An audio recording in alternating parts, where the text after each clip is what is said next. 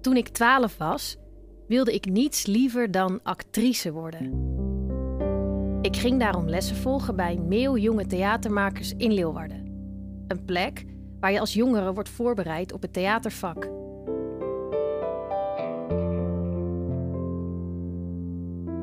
Tussen mijn twaalfde en mijn zeventiende heb ik de zaterdagen en de vakantieweken vooral daar doorgebracht. Meestal in het repetitielokaal. Ik kreeg improvisatielessen, speelde scènes uit stukken van Tsjechov. Ik leerde hoe ik mijn stem moest gebruiken en ik repeteerde voor voorstellingen. Later koos ik toch voor een andere richting en werd ik programmamaker voor radio en televisie. Ik denk vaak terug aan die lessen en hoe waardevol ze waren, al kan ik niet concreet maken waarom dat zo is. Ik ben daarom, vanuit mijn huidige vak, nieuwsgierig geworden naar de ideeën, de overtuigingen en de perspectieven die achter die toneellessen verscholen zitten. Want leren acteren, wat houdt dat eigenlijk in? Hoe leid je iemand op? Valt het überhaupt te leren? Om meer inzicht te krijgen in de wereld van leren acteren, sprak ik mijn oud-docent en sprak ik met zijn collega's die lesgeven op soortgelijke talentontwikkelingsplekken in Nederland en België. Je hoort Lotte Loorengel van de Noorderlingen in Groningen. Ja, we geven niet voldoende of goeds, hè? dat doen we niet aan. Mark Ram van Theatervooropleiding Amsterdam. We leren ze niet dat ze, heel concreet, we leren ze niet dat ze een af uh, of heel goed moeten spelen. Of dat ze, een, dat ze het perfect moeten doen. We leren ze dat ze het imperfect moeten doen. Jelly Schippers van Nest Antwerpen. Wij vragen je vaak hier, wat vind jij? Wat wil je? Wat wil jij delen met een publiek? Wat ga je vertellen? Waarom moet jij daar staan en niet iemand anders? En dus mijn oud-docent Carlo Scheldwacht van Meeuw Jonge Theatermakers in Leeuwarden. Het is niet, dit is niet een wereld met baaldagen of zo of uh, ziek, zwak, misselijk. Welkom bij de podcast over acteren en hoe je dat kunt leren. Mijn naam is Lisa Frenkel en dit is aflevering 3: Talentopleiding.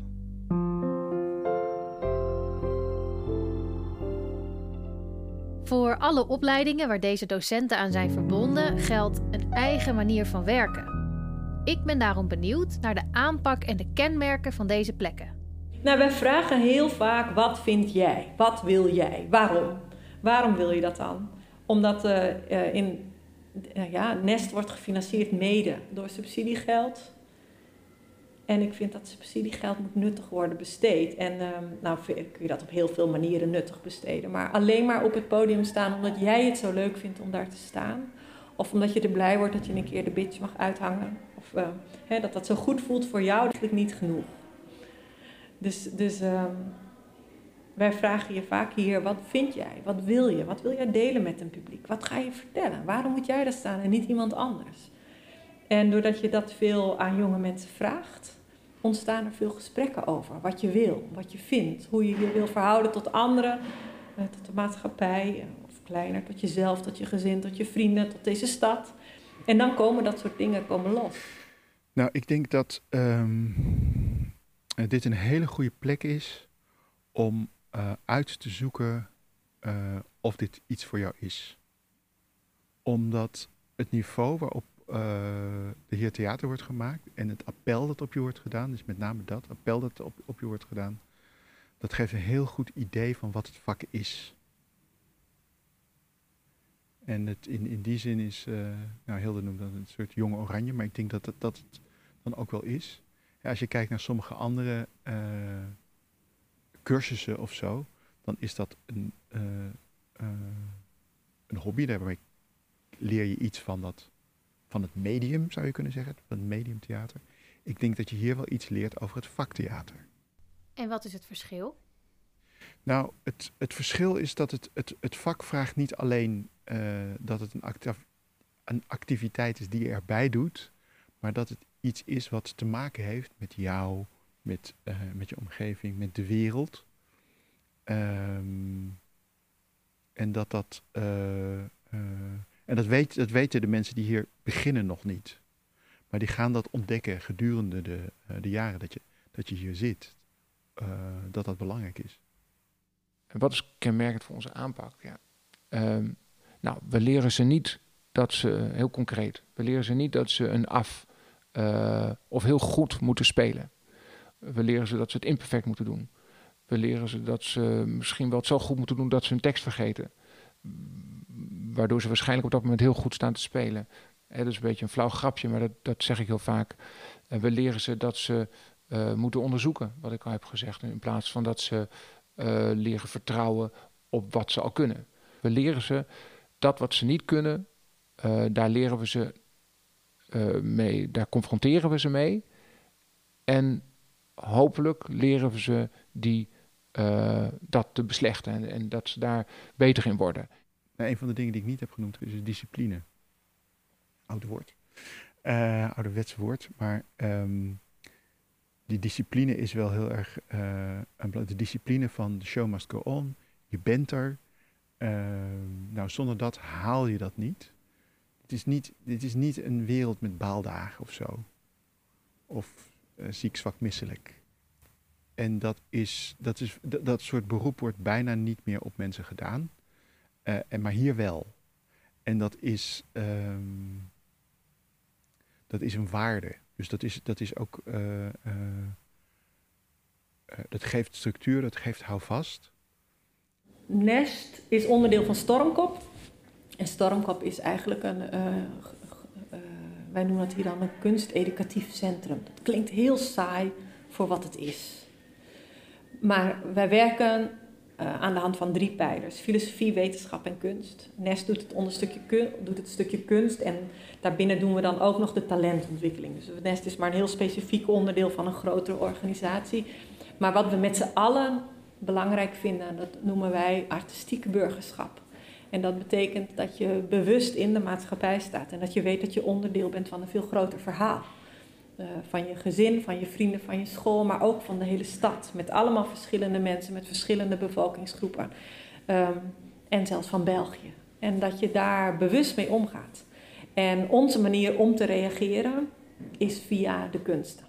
Um, kenmerkend voor de Noorlingen is dat wij voor de lesgroepen, de fases noem ik dat dan maar even, um, niet eindresultaatgericht werken. Dus we, de ontmoetingen met het publiek zijn in de les- en trainingsperiode best wel beperkt. Dus natuurlijk, we hebben uh, Noorderzon, hè, daar kunnen uh, spelers zich voor uh, inschrijven. Maar in principe zijn de les en de training echt gericht op de eigen ontwikkeling.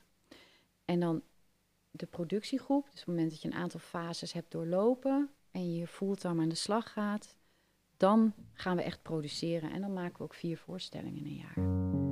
De klasgenoten die ik had toen ik lessen volgde, herinner ik me nog goed. Ik ben benieuwd naar de leerlingen die nu instromen bij deze opleidingen. Het zijn, het zijn mensen die van, uh, van Meo hebben gehoord heel vaak, of die zijn getipt van daar, jij moet daarheen. En dan, um, en dan merk je vaak dat mensen hier zeggen, oh, dit is heel anders dan op die andere cursus. Of, uh, um, en dat is ook goed dat ze dat, uh, dat, ze dat meemaken. Um, ik moet zeggen, het is niet heel divers uh, uh, hier. Um, ze komen wel uit heel Friesland. En ook van de verschillende schooltypen komen, komen ook wel mensen. Een beetje wisselend. Dus, dus na een tijdje, dus we bestaan nu acht jaar. Na een tijdje weten mensen hier wel wie wij zijn. En we hebben ook het geluk dat, we, dat er best veel jongeren van Nest doorstromen naar de professionele kunstvakopleidingen. Dus ik denk wel dat het een beetje zo is dat als je echt uh, iets met theater wil, dat, dat uh, een deel ons heel gericht daarom vindt. En omdat we je vaak vragen naar je eigen mening en omdat je hier veel zelf mag maken en zelf aan de slag kunt gaan, um, zijn mensen met name die, die dat leuk vinden, die, die komen hier uit zichzelf. Dat zijn jongeren tussen de 14 en de 21, 22 jaar, die, die al op die leeftijd serieus overwegen om iets binnen de podiumkunsten te gaan doen. Dat is één kant. En dan doen wij uh, in wijken, dus, komen daar organiseren wij ook um, workshops, soms heel kort, van, uh, van, uh, van drie, vier dagen achter elkaar. En, en sommige zijn veel langer, dit duren wel een jaar. En daar kun je naartoe als je niet zoveel, uh, niet per se weet of podiumkunst iets van jou is, voor jou is, maar waar, dat je het wel een keer wil proberen. Zo. En die komen hier ook. En dat zijn jongeren die, uh, die hebben vaak een hele andere achtergrond. En die zijn niet opgevoed met theater of uh, met af en toe eens naar de Schouwburg gaan of naar een museum. Die zien dat daar eigenlijk voor het eerst een beetje gebeuren. En dat zijn hele andere jongeren. Dat is ook leuk om die erbij te hebben. Zoals ik ook in de introductie vertel, kreeg ik destijds veel verschillende lessen. Wat zijn de lessen die nu op deze vier plekken worden gegeven? Tekstlessen heb je, heel veel improvisatielessen. Wat interessant is bij improvisatielessen is je ziet welke richting iemand zelf kiest. En je kan dus daarmee, ja, je kan heel goed zien waar iemand zijn kwaliteiten liggen, maar ook waar iemand zijn moeilijkheden liggen. En vervolgens kan je binnen een improvisatie heel makkelijk opdrachten verzinnen waar iemand geconfronteerd wordt met wat hij niet kan. Dan kan je gewoon uh, daar concreet een opdracht voor bedenken. Of een situatie voor bedenken. Dus ik vind zelf vind ik improvisaties heel gaaf om te doen, omdat je direct ziet wat, wat er gebeurt tussen mensen. Er is geen vast lessenpakket. En natuurlijk, uiteindelijk, nu merken we na acht jaar, is het er wel. Een klein beetje. Maar dat is misschien niet wat dynamisch ontstaan. Kijk, als je ergens binnenkomt en, en je gaat drie jaar met elkaar werken, dan moet je eerst werken aan de groep. Want anders lukt het niet. Dus, dus je voelt wel dat zo'n eerste jaar staat meestal in het teken van uh, het worden van een groep. En van in een groep iets ontdekken en uitzoeken. Dus dan staat dat groepsproces heel erg voor. En dan is het bij veel mensen is het de eerste keer dat iemand aan jou, tegen jou zegt dat je als acteur iets te vertellen hebt op scène. En wat wil je dan vertellen? Dus we hebben geen leerplan met stappenplannen of zo. dus het is niet uh, vastgelegd in die zin. Ik vind dus dat wij als vooropleidingen en talentwerkplaatsen, dat dat contact met het kunstvakonderwijs zo belangrijk is. Hoe kan ik hier nou gaan onderwijzen terwijl ik niet weet wat er op de toneelschool gebeurt? Is ik hoef geen copy-paste van die toneelschool te worden. Dat wil die toneelschool ook helemaal niet. En dat moet ik ook niet willen. Maar ik moet toch weten, wat er, waar, waar, zijn die studenten mee bezig? Waar zijn nu de, de makers, de acteurs die nu afstuderen? In welk veld stappen zij? Hoe ziet dat veld eruit? Wat willen zij teweeg brengen? Wat zijn hun zoektochten? Dat interesseert me en vind ik ook belangrijk als artistiek leider om dat hier in huis te halen. We proberen zo gelijkwaardig mogelijk onderzoek tussen jongeren en uh, professionals voor elkaar te krijgen. En dat kan dat natuurlijk niet, hè? want als je al twintig jaar in het vak zit, dan weet je veel meer over theater of choreografie of beweging, acteren, dan, dan iemand van 17. Maar diegene van 17, die, uh, is, is, uh, die weet ook dingen en die vindt ook dingen. En um, uh, ik geloof dat, dat ik, en ik heb, zit nou zo twintig jaar in het dat ik ook nog een heleboel uit te zoeken heb. En ik vind het ontzettend leuk om dat te doen met iemand van 17. En dus dat, dat onderzoek, zo, dat we samen aan het onderzoeken zijn, dat is denk ik ons belangrijk, grootste belang. En wat denk ik ook nog wel eigen is aan de Noordelingen, dat we veel met oud-Noordelingen werken, dus die zelf ook hier ja, hun, hun uh, start hebben gemaakt, weer zijn teruggekomen. Um, ik zelf ook. En toen ik hier zes jaar geleden weer uh, begon, dacht ik, wow, er is nog zoveel hetzelfde. Het systeem van dat je uh, ieder half jaar twee lessen in de week hebt van 2,5 uur van echt verschillende vakmensen. Dat we stevig evalueren, dat dat een gezamenlijk proces is. Waarom is dat, stevig evalueren? Omdat ik vind dat je elkaar serieus moet nemen. ja, we geven niet voldoendes of goeds, hè, dat doen we niet aan. Maar voor de evaluaties gaat de speler ook altijd eerst zelf feedback geven op zijn eigen proces. Benoemt ook zijn eigen werkpunten.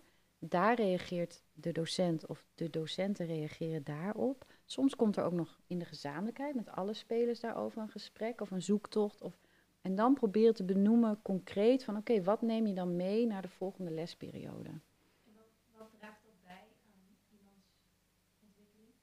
Nou, ten eerste dat wij niet God zijn, dat is denk ik heel belangrijk. En dat je uh, zelf nadenkt, bewust bent.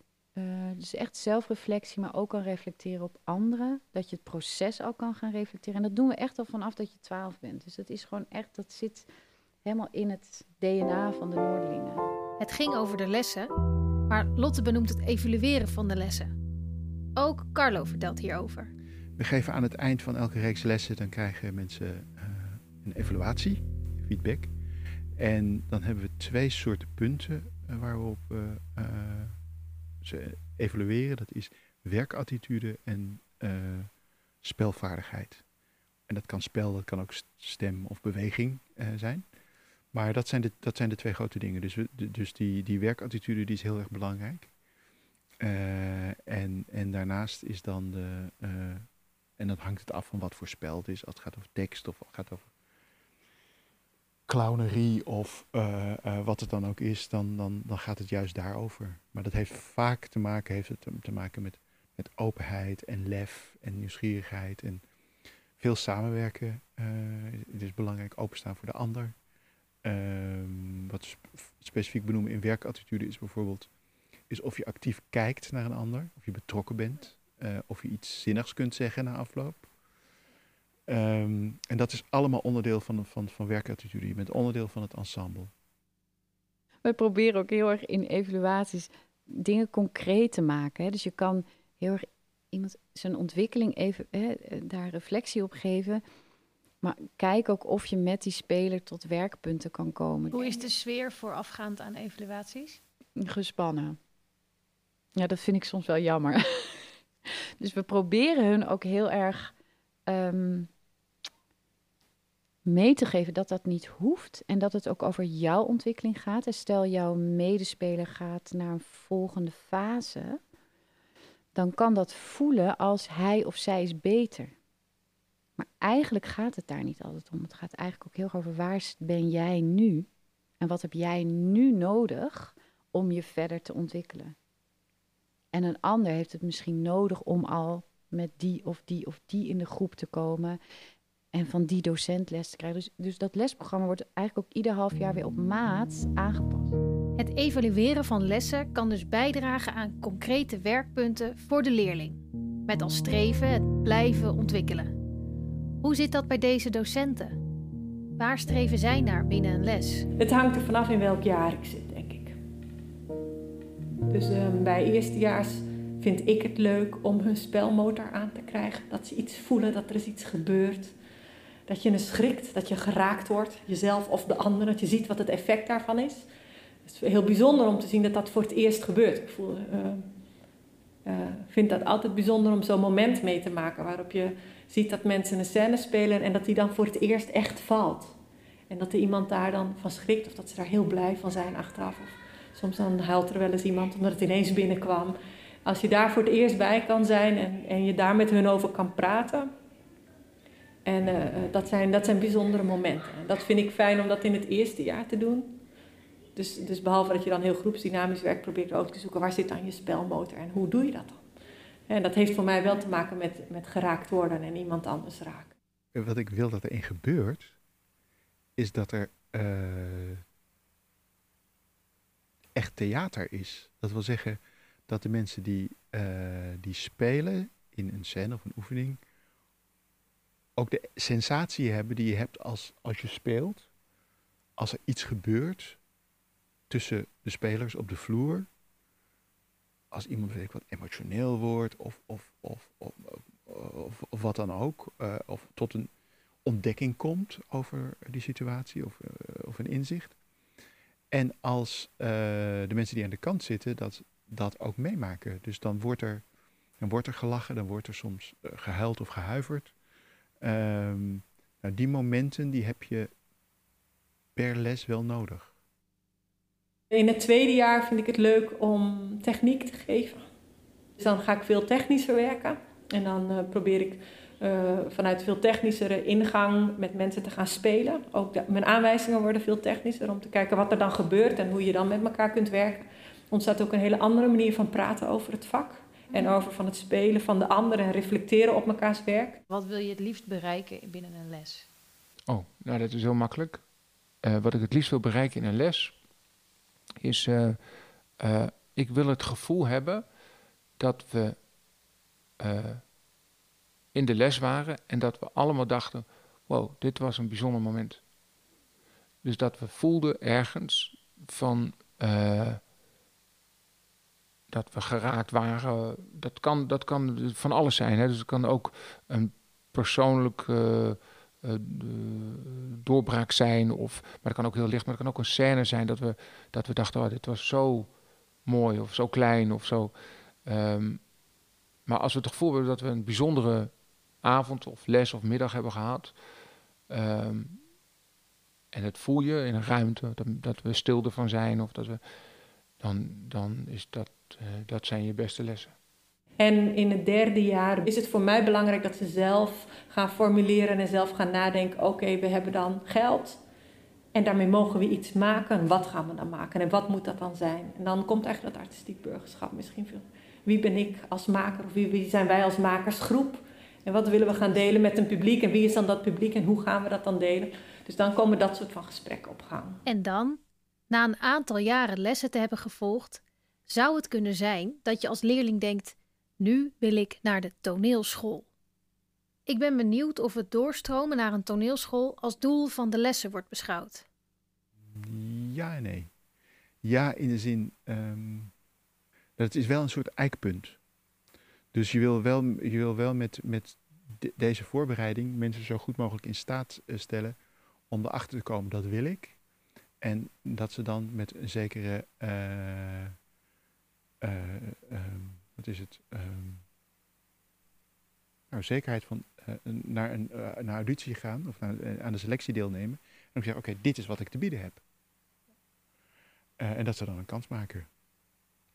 Dat is wat je wil. En dat is niet het einddoel, maar als je op die manier werkt, dan heeft het allerlei gevolgen voor hoe, hoe de rest in elkaar zit. Ja, dat is wel een doel, omdat het ook een heel duidelijke vraag is van een deel van de mensen die hier komt, om dat te gaan doen. En dat ze dat heel graag willen. Dus dat weet ik. En ik, ik hou zelf heel erg, ik, ik hou verschrikkelijk van het vak. En als er, dan iemand, uh, als er dan iemand zo bevlogen is dat hij door wil en hier ook zijn beroep van wil maken, dan willen we graag met je kijken van hoe doe je dat dan? En, en dus dan is doorstroming naar een kunstvakopleiding wel belangrijk. Nee, het is een totaal openbaar doel. Daarvoor bestaan we. Wij zijn er om jonge mensen uh, in alles te ondersteunen en uh, te begeleiden en te bevragen en te verwarren op hun weg richting het kunstvakonderwijs. Maar van die 70 spelers die nu in huis zijn, uh, gaan ook heel veel jonge mensen een andere weg kiezen. Omdat ze dat ontdekken. En daar komen hele mooie journalisten uit bijvoorbeeld. Of een natuurkundige denk ik, wauw, wat een geschenk dat die ook nog de vooropleiding theater hebben gedaan. Wat een goede natuurkundige gaat dat worden. Dat kan niet anders, omdat je het leven al een beetje hebt onderzocht.